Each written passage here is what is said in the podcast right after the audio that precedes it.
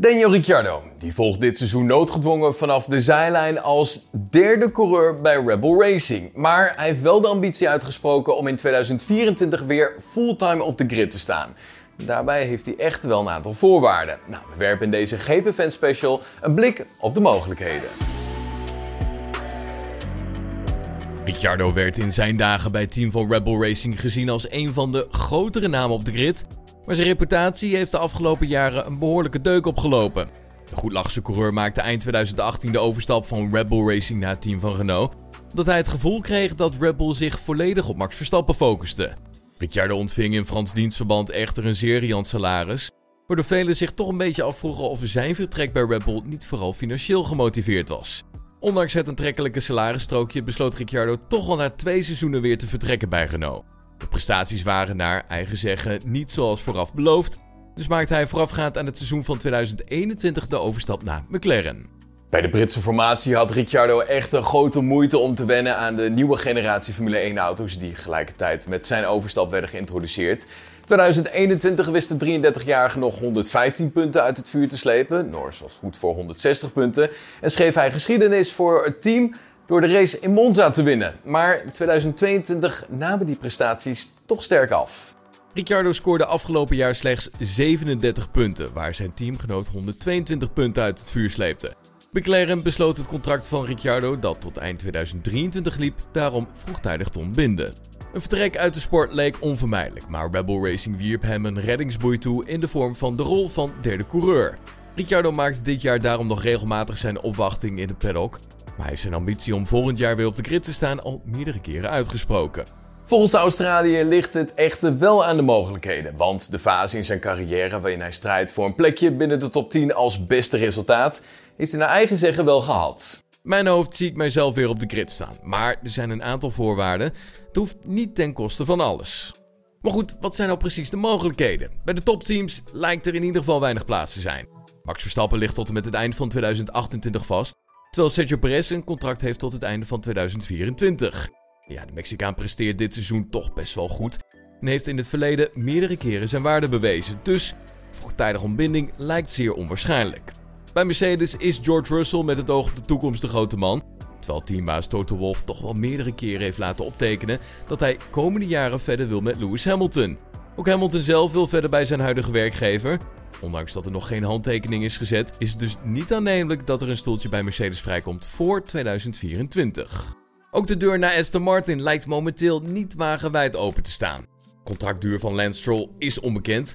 Maar goed, zolang Lawrence Stroll, de vader van Lance Stroll, eigenaar is van het team, zal de 24-jarige Canadees niet op straat worden gezet.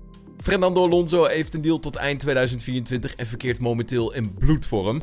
41-jarige kwam in de eerste vijf races van het seizoen vier keer als derde over de streep en staat derde in het kampioenschap. Alonso is in zijn nopjes bij het team en zal dus niet zomaar besluiten na dit jaar op te stappen. Andersom is er voor Aston Martin ook geen enkele reden om hem zomaar uit het team te zetten. En Ferrari dan? Ja, het is een publiek geheim dat de Italiaanse grootmacht intern een aantal grote problemen op moet lossen. Maar qua line-up met Sainz en Leclerc heeft het team het toch best wel goed voor elkaar. Leclerc en Sainz hebben beide een contract tot met het einde van 2024. Het is niet voor de hand liggend dat Ricciardo beter zou presteren dan een van deze twee heren. Daarnaast is Ferrari in het verleden ook nog nooit voor Ricciardo gegaan toen die mogelijkheid er was. Kans lijkt dan wel groter dat Leclerc of Sainz besluiten vertrekken vanwege de problemen bij Ferrari. Maar er is momenteel geen enkel aanknopingspunt dat erop duidt dat zoiets zou staan te gebeuren. De eerste vier teams lijken dus geen optie, waarmee de voorwaarden van Ricciardo om vooraan op de grid mee te vechten moeilijk realiseerbaar lijkt. Waarschijnlijk kan er ook wel een streep door Alpine. De Franse fabrieksformatie had afgelopen zomer de mogelijkheid om Ricciardo terug te halen, maar koos in plaats daarvan voor Pierre Gasly als vervanger van Alonso.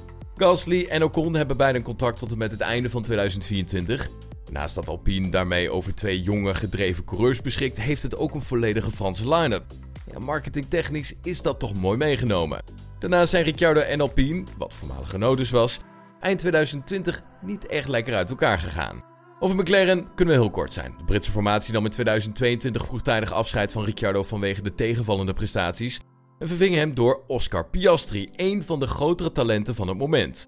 Daarnaast heeft McLaren met Lando Norris een ander zeer jong getalenteerd coureur in huis, die inmiddels meerdere jaren ervaring bij het team heeft en vrijwel altijd wel goed presteert.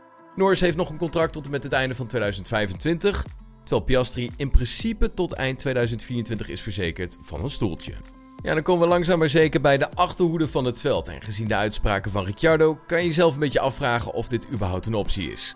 Zo Williams voor 2024 nog geen coureurs op papier staan, aangezien de contracten van Albon en Sargent eind dit jaar verlopen. De Britse formatie rijdt echter al enkele jaren in de achterhoede, dus ja, een plotselinge stap richting de kop van het veld lijkt onwaarschijnlijk. Bij team van Haas verloopt het contract van Kevin Magnussen eind 2023, waardoor de Amerikaanse renstal misschien toch wel een mogelijkheid zou kunnen zijn. Ricciardo was afgelopen jaar ook in beeld bij teambaas Gunther Steiner, maar door Drive to Survive op Netflix hebben we geleerd dat de twee er qua kostenplaatje niet uitkwamen. Hij wil minstens 9 miljoen, zo klonk het. Nico Hulkenberg heeft nog een contract tot eind 2024. En een team waar Ricciardo toch wel vaak mee wordt gelinkt is het team van AlphaTauri. Nick de Vries maakte daar dit jaar zijn debuut, maar de resultaten vallen tot op heden tegen. Red Bull topman Helmut Marko liet recent optekenen dat er op korte termijn niet direct iets zal veranderen, maar de resultaten van Nick die moeten wel snel verbeteren. Mocht AlphaTauri na dit seizoen afscheid nemen van Nick de Vries, behoort Ricciardo echter niet tot de mogelijkheden. Marco vertelde dat ze in het ergste geval, als ze echt afscheid gaan nemen van de Vries, terug zullen vallen op hun talentenpool. Dat gaat specifiek om Liam Lawson en Iwasa. Ricciardo is niet aan de orde, zo zei Helmut Marco. Er blijft er eigenlijk maar één logische mogelijkheid over: Alfa Romeo. Maar dat is wel eentje met het oog op de lange termijn. Sauber, het team achter Alfa Romeo, sluit vanaf 2026 namelijk de handen ineen met de Duitse Audi. Vanaf dat jaar treden er namelijk nieuwe motorreglementen in werking en dus zou de huidige pikorde zomaar eens kunnen verschuiven. Het contract van Valtteri Bottas loopt tot en met het einde van 2025, maar de deal met Joe Guan Yu verloopt einde dit jaar. Aangezien de mogelijkheden bij de topteams op papier niet heel lijken, al weet je het in de Formule 1 natuurlijk nooit, zal Alfa Romeo een goede optie kunnen zijn. Was hem dan de GP Special hier op Spotify. Vond je deze aflevering leuk? Vergeet ons dan niet te volgen en dan zien we je morgen weer. Tot dan. Hoi.